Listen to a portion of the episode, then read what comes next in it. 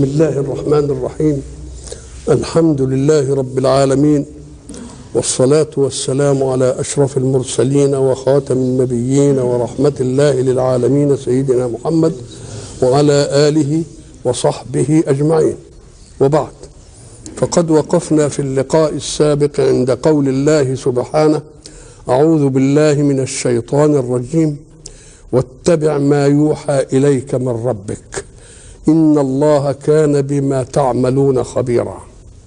وقلنا إن الحق سبحانه استهل السورة بقوله يا أيها النبي وذلك خطاب لم يخاطب به رسولا من الرسل لأنه إنما خاطبهم بأعلامهم يا آدم يا نوح يا موسى يا عيسى. ولكن رسول الله خطب بيا أيها النبي أي بصفات التشريف والتكريم ويا أيها الرسول. وقلنا إنها استهلت السورة بقوله اتق اتق الله. ثم سنى بالنهي فقال ولا تطع الكافرين والمنافقين. ثم جاء بأمر آخر وقال واتبع ما يوحى إليك. إذا فقوله لا تطع الكافرين والمنافقين بين أمرين. الأول اتق الله والثاني واتبع ما يوحى إليك من ربك. وعلل كل ذلك بقوله مرة إن الله كان عليما حكيما أي علم يضع ويضع معلومه في مكانه المناسب. لأن الإنسان قد يكون عالما بأشياء ولكنه لا يضع الشيء في مقامه المناسب. وبعد ذلك جاء أيضا في قوله واتبع ما يوحى إن إن الله كان بما تعملون خبيرا. اذا فقوله ولا تطع الكافرين والمنافقين حيثيتها إيه؟ الكافرون والمنافقون غير مخلصين لك. فاتهم أمرهم إن أمروك بشيء واتهم نهيهم ان نهوك بشيء ليه؟ لأنهم غير مخلصين لأنك ما جئت إلا لتصادم سيادتهم وجبروتهم وكفرهم. فلا يمكن أن يكون مخلصين في الأمر ولا في النهي. وأيضا فهبهم مخلصين. لأنك نفر من قريش بدهم يعملوا وياك مثلا ينصروك ولا بتاع. ينقصهم العلم والحكمة. يبقى لكن الله إن قال اتقي أو قال اتبع ما يوحى إليه فإنما يصدر ذلك عن خدمته لرسوله الذي أرسله لمهمة وعن علم وحكمة وخبرة. يبقى اذا طاعة الكافرين والمنافقين لا يصح أن تقارن بمين؟ بطاعة الحق سبحانه وتعالى. وهنا نلاحظ أن القوم فعلا طلبوا منه أشياء. فكأن الله نبهه قبل أن يطلبوا منه إلى ما يطلب منه. قال اوعى تطوعهم يبقى معنى اوعى تطوعهم أن الله علم أنهم سيطلبون اشياء كونهم يطلبوا الأشياء دي تؤكد عند الرسول صدقه في البلاغ عن الله لأنها وقعت كما إيه؟ كما أخبر الله. وما دام قال ولا تطع وإحنا عارفين الطاعة فيها مطيع ومطاع.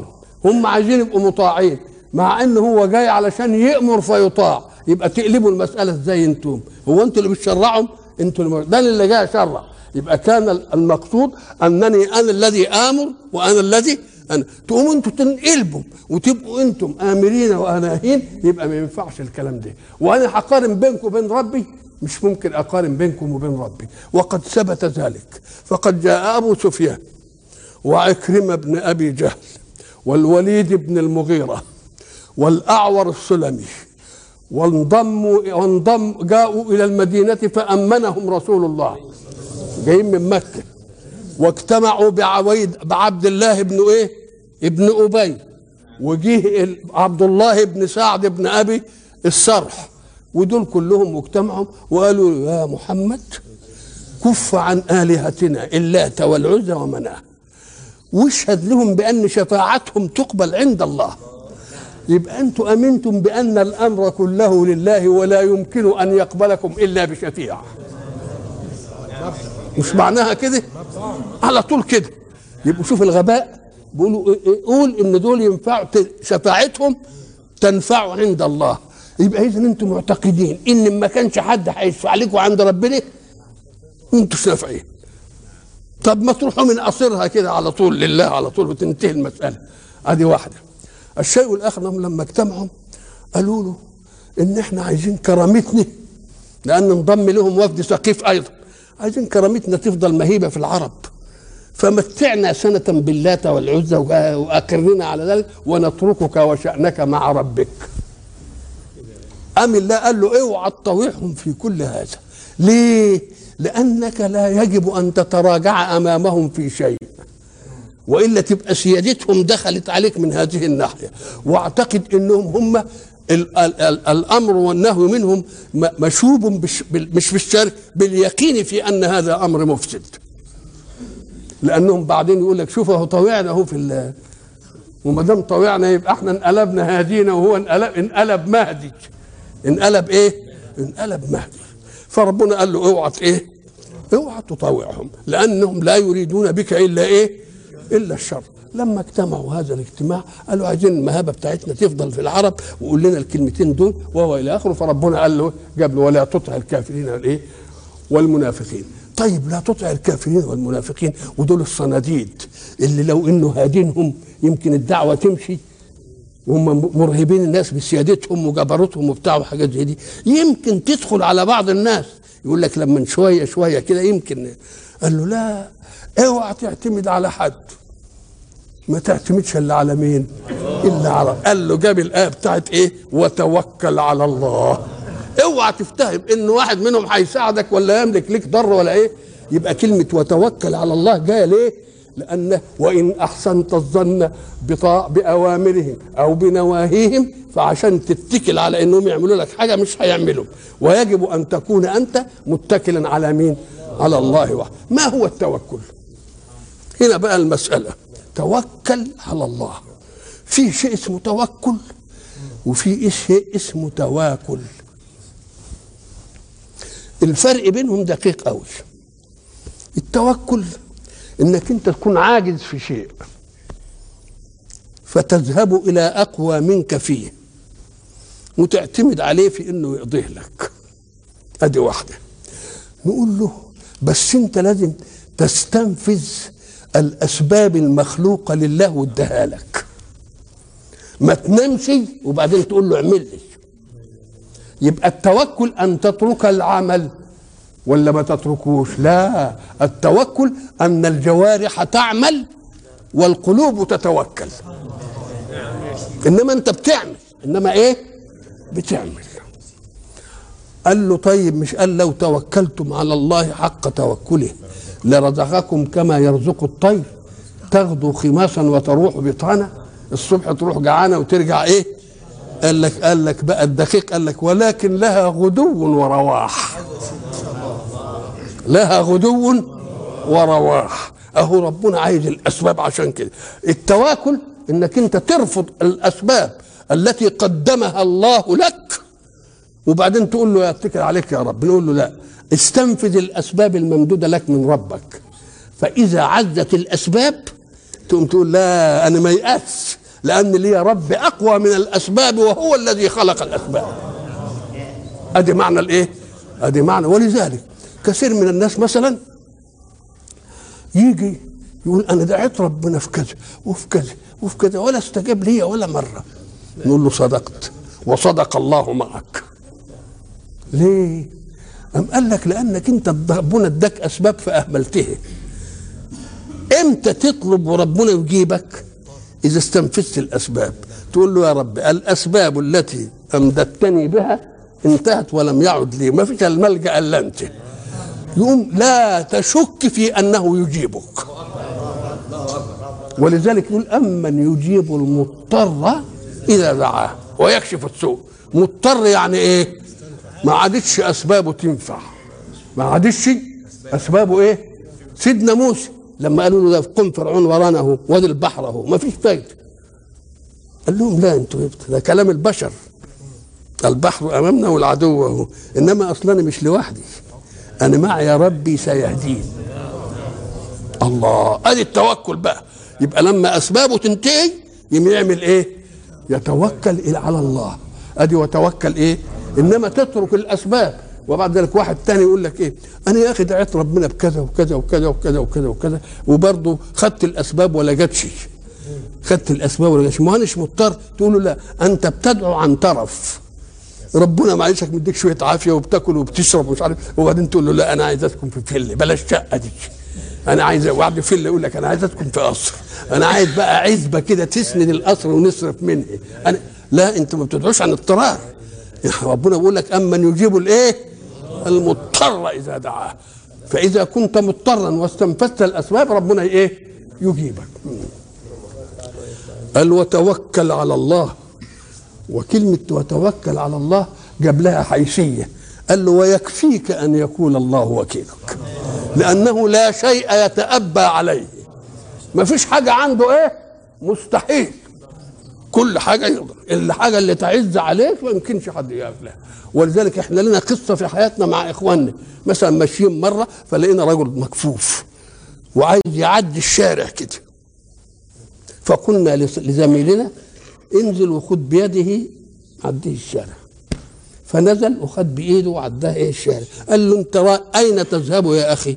قال له إلى البيت الثالث في الشارع ده فأراد أن يوصله إلى إيه؟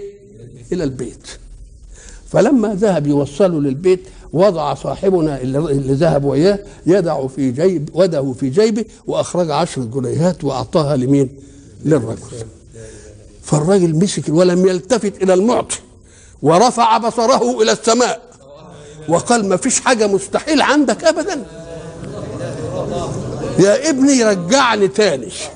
أكنه هو كان رايح يقصد إنه يجيب فلوس. فربنا جابها له كده البتاع قال له يا ابني رجعني قبل ما يلتفت إلى المعطي قال إيه؟ قال له ما فيش حاجة مستحيل عندك. يا ابني رجعني تاني. هذا وكفى بالله وكيل يعني يعني لا تعوزه أسباب. وما عندكم ينفذ وما عند الله أنتوا لو ملكتم خزائن السماوات والأرض برضه تبخلوا وتخشوا الإنفاق ولكن هو ليه؟ لأنه ما عندكم ينفذ وما عند الله إيه؟ وما عند الله باق. وبعدين بقى ربنا ادانا بقى نصيحه تانية يبقى توكل على الله وكفى بالله وكيلا لأنه لا يوجد شيء يقف أمامه ما يريده يكون ما يريده ولذلك شوف اللي يريده ده كائن قبل أن. قبل أن يأمره. ولذلك إنما أمره إذا أراد شيئا هو يريد الشيء. فكيف يقول للشيء اللي يريده؟ كن يقول له له لمين؟ للشيء. الله ده بيخاطبه قبل ما يقول له كن. يخاطبه أكنه هو موجود بس يقول له ابرز للوجود ليراك الناس. وبعد ذلك قال له خليك ناصح. ما تتوكل على واحد اضمن إنه يعيش لك. إحنا قلنا زمان تقعد توكت تحط همك في واحد وتتكل عليه وبعدين يصبح يفطس منك. ما تلاقيش. أم قال إيه؟ خليك ناصح. كفى بالله وكيلا وتوكل على الحي الذي لا يموت. أدي النصاحة. يبقوا نصحتين اثنين استغن بوكالة الله عنك. أدي واحدة وتوكل على الحي الذي لا يموت. طيب هنا أمر بالتقوى والتقوى لله وهنا أمر باتباع ما يوحى إليه وهنا نهي عن إننا نطيع الكفار والإيه؟ والمنافقين. يبقى فيه طرفين أهو. الله يتقى والله يطاع في وحيه. والكفار والمنافقين نرفض إيه؟ اوامرهم ونواهيهم يبقى أكن في معسكرين. معسكر بيمثل الحق في اجلى معانيه وصوره ومعسكر بيمثل الباطل. نقول له بقى طب أنت تعمل إيه في دول؟ مش لازم تغلب واحد على واحد؟ نغلب صاحب الحق اللي هو ربنا. قال له ولا تغلب ربنا في ناحية وتغلب الكفار والمنافقين في ناحية. ده قلبك هيبقى متجه لشيء واحد. وما دام شيئين اثنين متناقضين لا يمكن أن يجتمعا. ما يمكنش أن يجتمعا. فلازم تغلب الحق؟ ليه؟ قال لانني ما جعلتش لك قلبين. يبقى قلب ما عاد وقلب ما عاد. هو واحد بس. ما جعل الله لرجل من قلبين في جوفه. اوعى تقول أنا اتخذ ودي برضو أطيع. اوعى تقول. ليه؟ ما جعل الله لرجل من قلبين في جوفه. أدي واحدة. هو القلب ده إيه من قلبين؟ له القلب ده هو اللي قال لك نعم.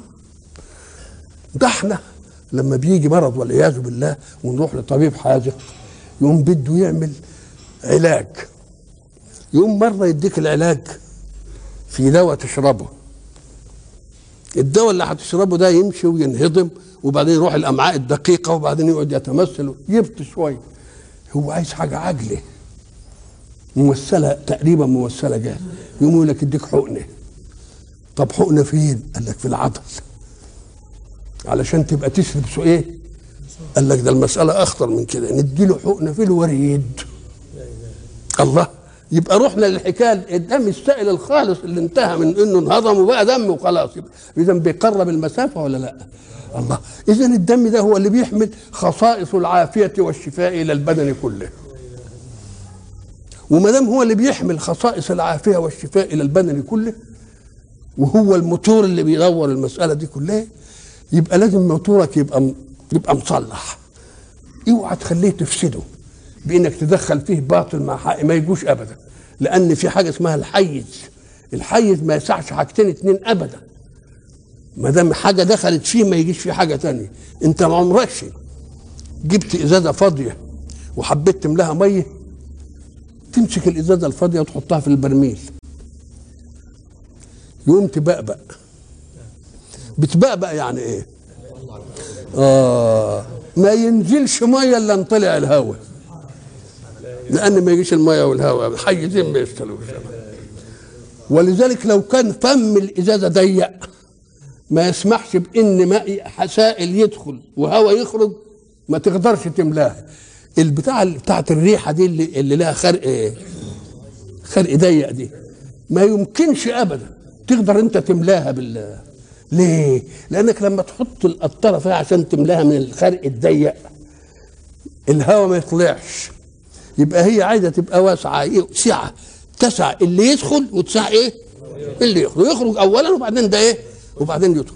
ولذلك لما تحب تجيب شوية ريحة منها ما, ما, ما تعملهاش كده ما تجيبش ريحة لازم تعملها إيه؟ معنى كده إيه؟ إنك أنت بتطلع شوية بالقوه الضغط عشان يدخل شوية هواء يطردوا اللي باقي يبقى اذا الحيز ما يمكنش يجي في حاجتين اثنين كذلك في المعاني. ما يوجدش حق ويوجد باطل. في حتة واحدة ابدا. لازم يخرج الحق الباطل عشان يدخل يدخل الحق مش ممكن. ما جعل الله لرجل أو ما تعملش قلب لدي وقلب لدي لأن مالكش قلب هو قلب إيه؟ ولذلك نقول لك القلب حيز محدود. ما يسعش إلا إيمانك بربك. اوعى تحشر وياه حاجة لأنها ما تنفعش. اوعى تحشر وياه حاجة لأنها إيه؟ ما تنفعش. في واحد كان اسمه جميل ابن أسد الفهري وكان يقول وكان راجل مشهور بالذكاء. واللماضه فكان يقول كده في وسط العرب إن لي قلبين أعقل بواحد منهما مثل ما يعقل محمد. وهو ذكي بقى وله رصيد من الذكاء والبتاع. فيشاء الله أن تأتي غزوة بدر. وبعد ذلك يراه أبو سفيان بعد المعركة. فيقول له يا جميل ما فعل القوم؟ قال منهم مقتول ومنهم هارب. قال وما لي أراك هكذا؟ قال ما بي؟ قال له نعل فردة نعل يعني في كفك ونعل في رجلك. قال والله لقد ظننتهما في رجلي. قال له بقى أنت يا أبو قلبين.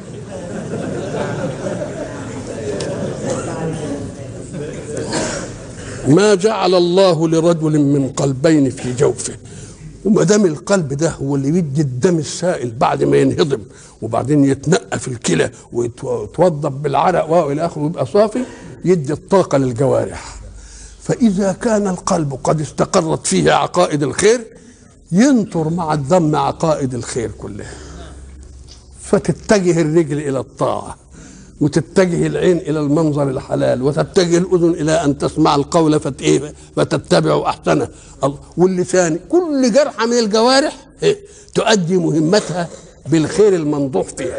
ولذلك يقول رسول الله وفي الجسد إيه مضغة.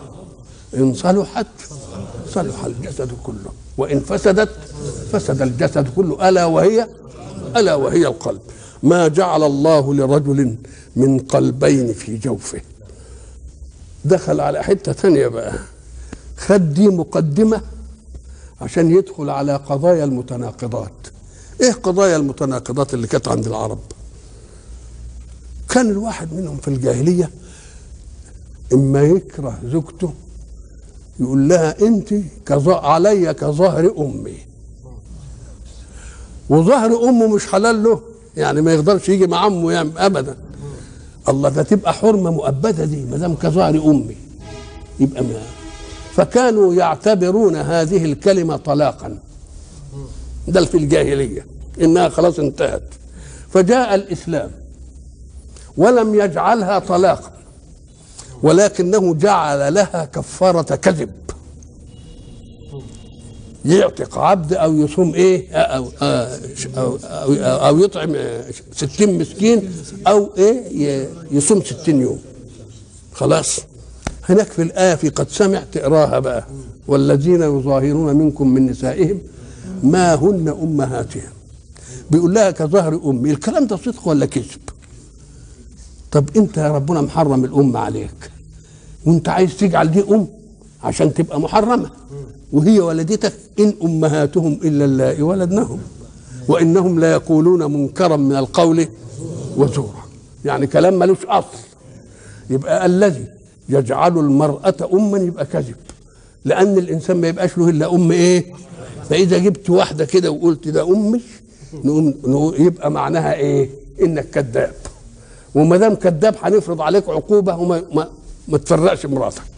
كلام على الأول. يبقى إذا الحق سبحانه وتعالى.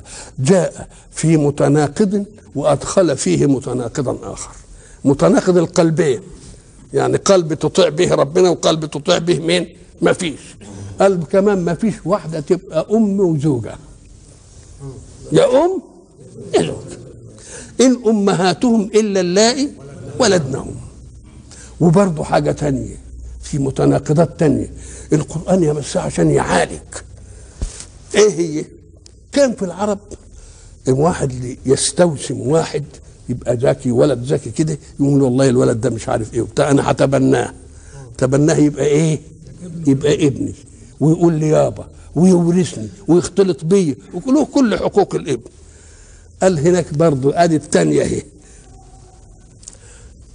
ما جعل الله لرجل من قلبين في جوفه هو قلب واحد ولا يسكنوش متناقضات إن ما يسكنوش إلا معنى واحد. وما جعل أزواجكم اللائي تظاهرون منهن أمهاتكم.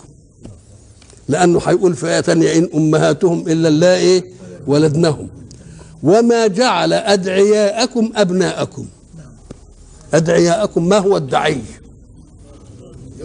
هو الذي يدعى أنه ابن وليس ابن. وده كان شائع في مين؟ شائع عند الله وأراد الله أن يبطل هذه المسألة.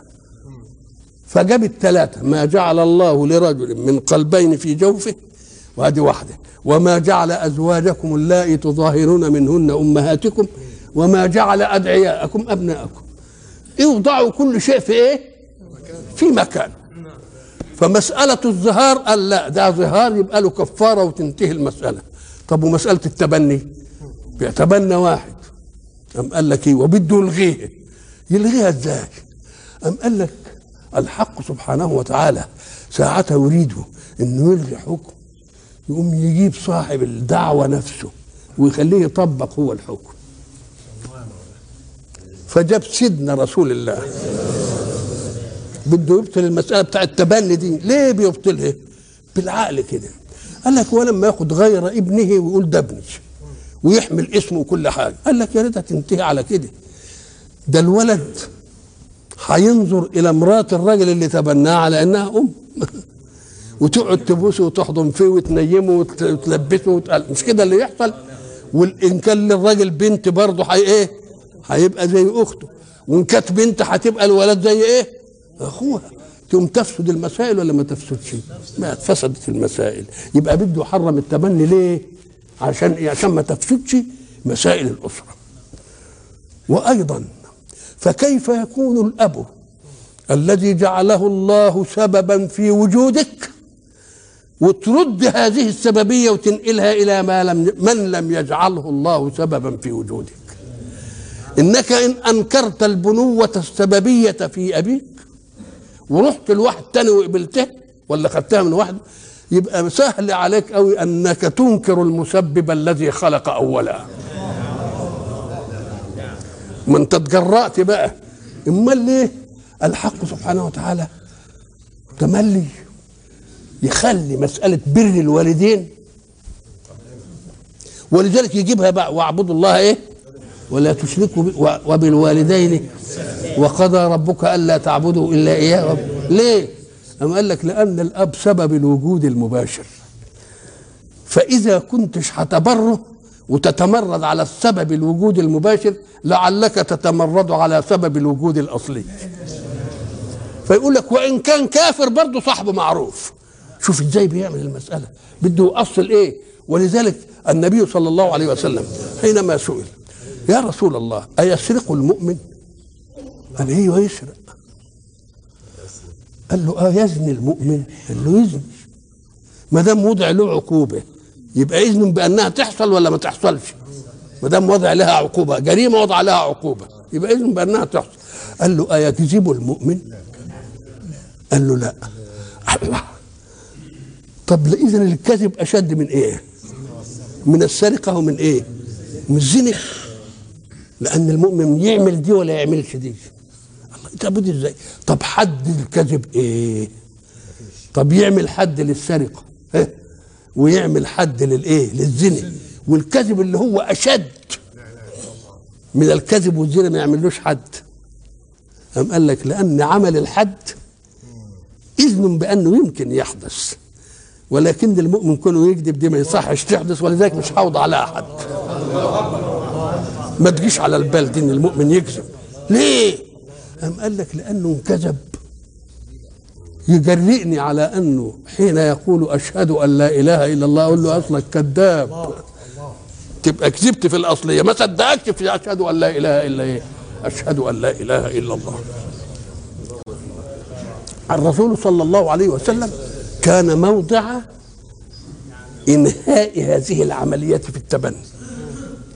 الرسول عليه الصلاة والسلام تزوج أم المؤمنين خديجة. وأنتم عارفين مكانتها منه. وأم المؤمنين خديجة كان لها حكيم حكيم بن حزام.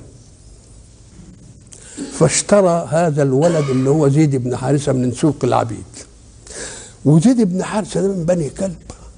والناس سرقوه من أهله وجم ادعوا إيه؟ إنه عبد. فاشتراه حكيم بن حزام واداه لحساب من؟ لحساب خديجة. خديجة أهدته لسيدنا رسول الله. فبقى عبد ومولى لمين؟ لسيدنا رسول الله.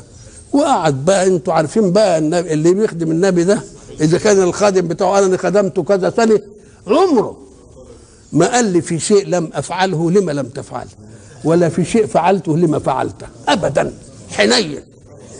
خلاص يسيبه يعمل اللي يعمله. الله. وبعدين ده العبد بتاعه عاش مع سيدنا رسول الله وهو في في طرق مكة.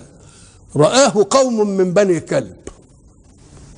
فذهبوا إلى أبيه هناك وقالوا له إحنا شفنا ابنك زيد في مكة. فالراجل بقى مشعوف على ابنه تنه جايب الهيصة وتنه رايح على مين؟ ذهب إلى مكة. فاستدل على أنه عند مين؟ عند محمد صلى الله عليه وسلم. فذهب إليه وأخبره الخبر. وقال له تدينا الإيه؟ الولد. زيد. رسول الله بقى بين أمرين. حبه للولد وتعلق الولد به. وده أبوه. طب قول لي يعمل إيه؟ قال والله إحنا نخيره. فإن اختاركم فخذوه. وإن اختارني فأنا له أب. فلما خيروه أم زدنا زيد قال ما كنت لأختار على رسول الله أحدا.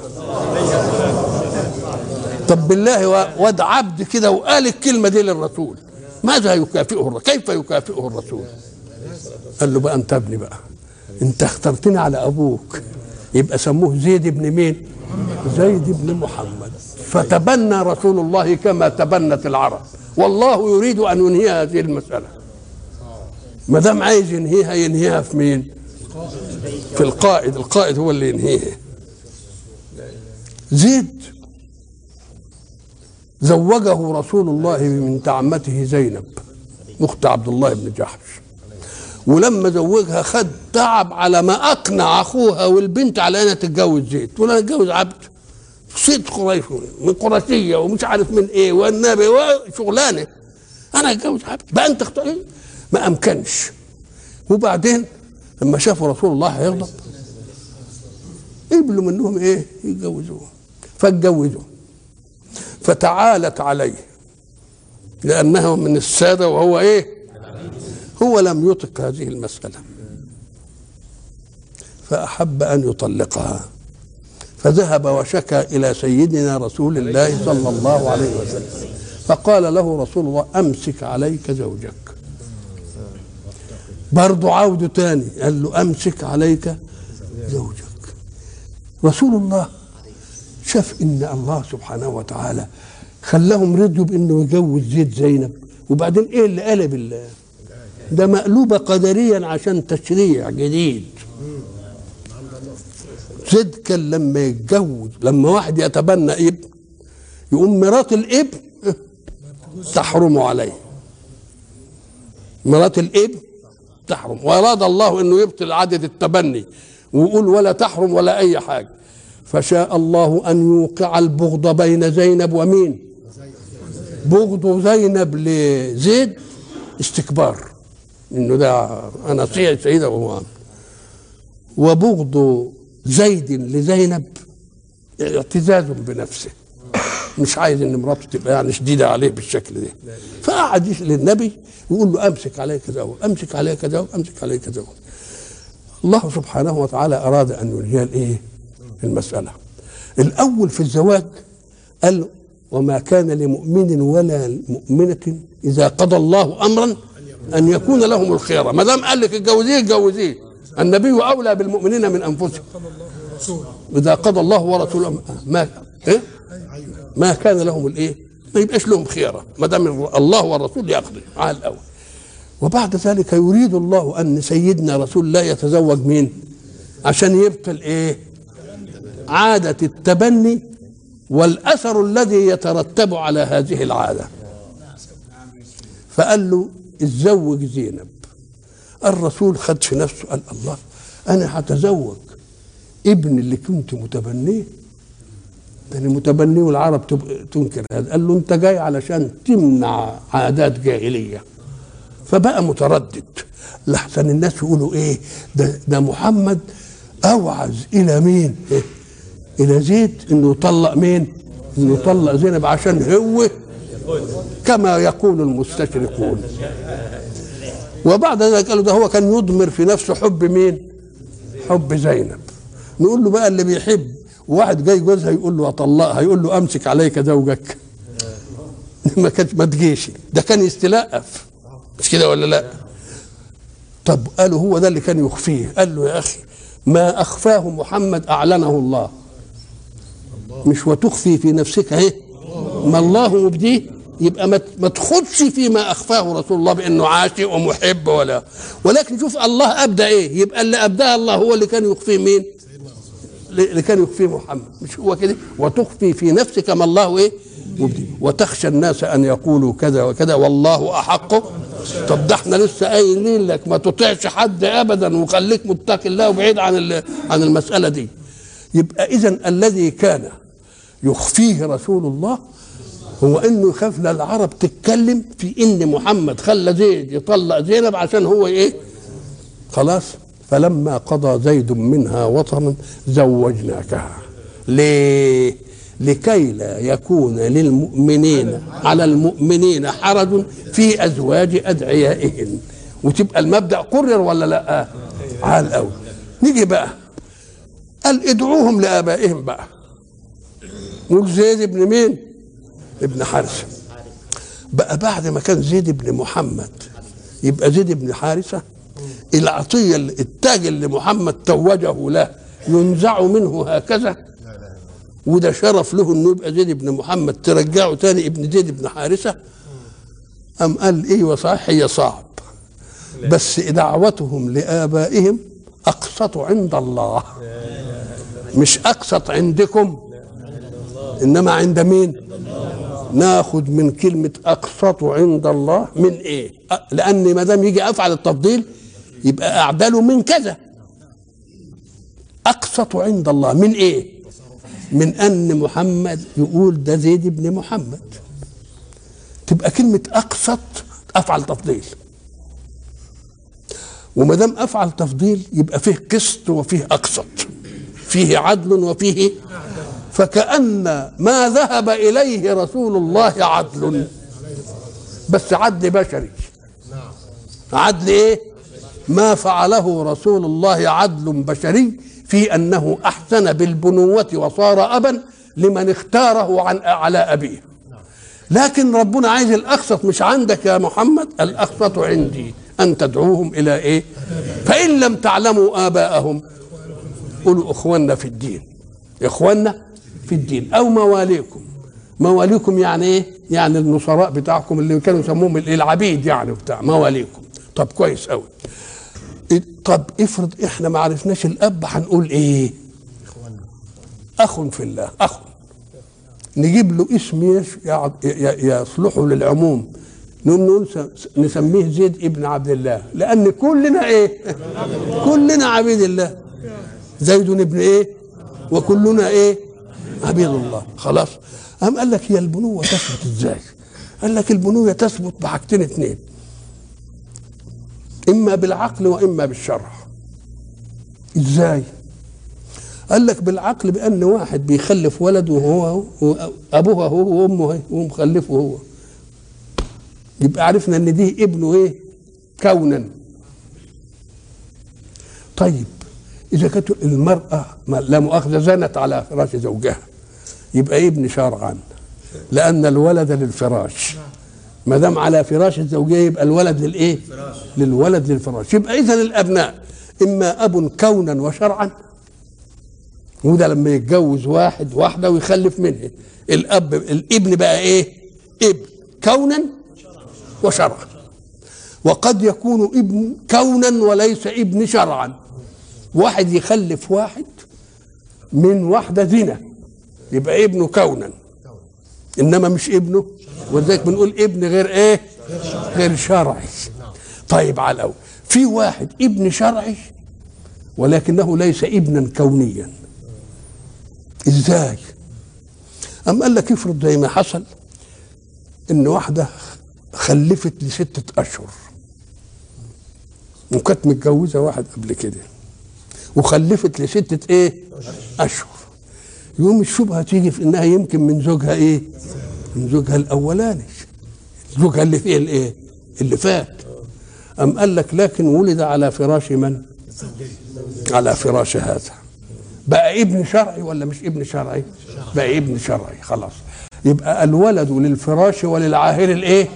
وللعاهر الإيه؟ الحجر. ما جعل الله لرجل من قلبين في جوفه وما جعل أزواجكم اللائي تظاهرون منهم تظاهرون يعني تقولون لها أنت علي كظهر أمي أمهاتكم. وعلل وقال في ايات أخرى إن أمهاتهم إلا اللائي وإنهم لا يقولون منكرا من القول إيه؟ وما جعل أدعياءكم يعني من تدعون أنهم أبناءكم ما جعلهمش أبناءكم. ليه؟ لأن لا يمكن أن يكون للفرد أبوين. بل هو أب واحد إما كونا وشرعا وإما كونا لا شرعا وإما شرعا لا إيه؟ لا كونا. ذلكم أي ان تجعلوهم الأولى أن تجعلوا المرأة زي الأم. ادي واحدة. أو الثانية أن تجعلوا غير الإبن إبنا بالتبني. ذلكم أي ما تقدم قولكم بأفواهكم. قولكم ليه؟ إيه؟ أمال القول بيبقى بإيه؟ طب ما هو القول بالفم. جاب جاب من جابت إيه الآية؟ ذلكم قولكم طب ما هو القول بالفم. أم قال لك لا. القول صحيح بالفم إنما أصل الكلام في الفؤاد. ولكن اللسان جعل دليل على ما في الفؤاد. إن الكلام لفي الفؤاد وإنما جعل اللسان على الفؤاد إيه؟ دليلا. يبقى أصل الكلام لازم يكون له نسبة في القلب وبعد ذلك تيجي النسبة الكلامية اللي تقول به هل دي له واقع في القلب؟ ملوش واقع. هل المرأة أم؟ لا. هل الولد الدعي ابن؟ لا. يبقى أنتم بتقولوا كلام لا رصيد له في القلب من واقع. وما دام لا رصيد له في القلب من واقع الله يقول لكم الحق في هذه المسألة. الحق إيه؟ إنهم مش أمهاتكم. والحق إيه؟ إن ده مش إيه؟ مش ابنك. ذلكم قولكم بأفواهكم. ولذلك لما قال في المسيح بأفواههم برضه مش كده ولا بإيه؟ بكلام ملوش رصيد إيه؟ ولكن الله يقول الحق. معنى الله يقول الحق معناه إن المعتقد والكائن المعتقد والإيه؟ والكائن. إزاي؟ قال لك في واحد يتكلم كلاما استقر في قلبه أولا. ولما استقر في قلبه أخبر به. لكن استقر في قلبه يعني معناه اعتقده. ومش يمكن يعتقد حاجة ما هي الصح ما هي ناس كتاب بتتكلم عن حاجة معتقداها كده. نقول له انت اعتقدتها هكذا ولكنها ليست هكذا. ولذلك لما جم يتكلموا في الكلام الكلام إما خبر وإنشاء. والخبر ما يصح أن يقال لقائله أنك صادق أو كاذب. صادق؟ إزاي؟ إمتى يكون صادق؟ إذا طابق كلامه الواقع. زرت زيدا بالأمس وحصل يبقى كلام صادق. طب زرت زيدا بالأمس وما حصلش يبقى كلام إيه؟ النسبة الكلامية ما طبقتش الواقع. يبقى ده كلام كذب. أما قال لك طب افرض إن واحد اعتقد مقولة اعتقدها. وبعد ذلك قالها والاعتقاد كان غير صح. أم قال لك هو لا يسمى كاذبا وإنما الخبر يبقى كذب. ففيه فرق بين كذب الخبر وكذب المخبر. لما يقول حاجة ولاش لها واقع نقول له إيه؟ أنت كذاب. طب قال حاجة هو اعتقد هو اعتقد إنها الواقع وقالها على وفق اعتقاده. ما نقدرش نقول له أنت كذبت. ولكن الخبر في ذاته إيه؟ كذب. إنما أنت ما نقولكش أنت كذاب لأنك أخبرت عن إيه؟ عن معتقدك أنت. على الأول. هنا الحق سبحانه وتعالى. اذا الأمر المعتقد في القلب يعاملنا الله فيه كيف؟ المعتقد في القلب. إن كان له واقع يبقى صدق في الخبر وصدق في المخبر. وإن كان معتقد في القلب ولا واقع له يبقى كذب في الخبر وصدق في الإيه؟ في المخبر. اذا الأمر المعتقد قد يكون حقا إن كان له واقع. وقد يكون باطلا إن لم يكن له إيه؟ واقع.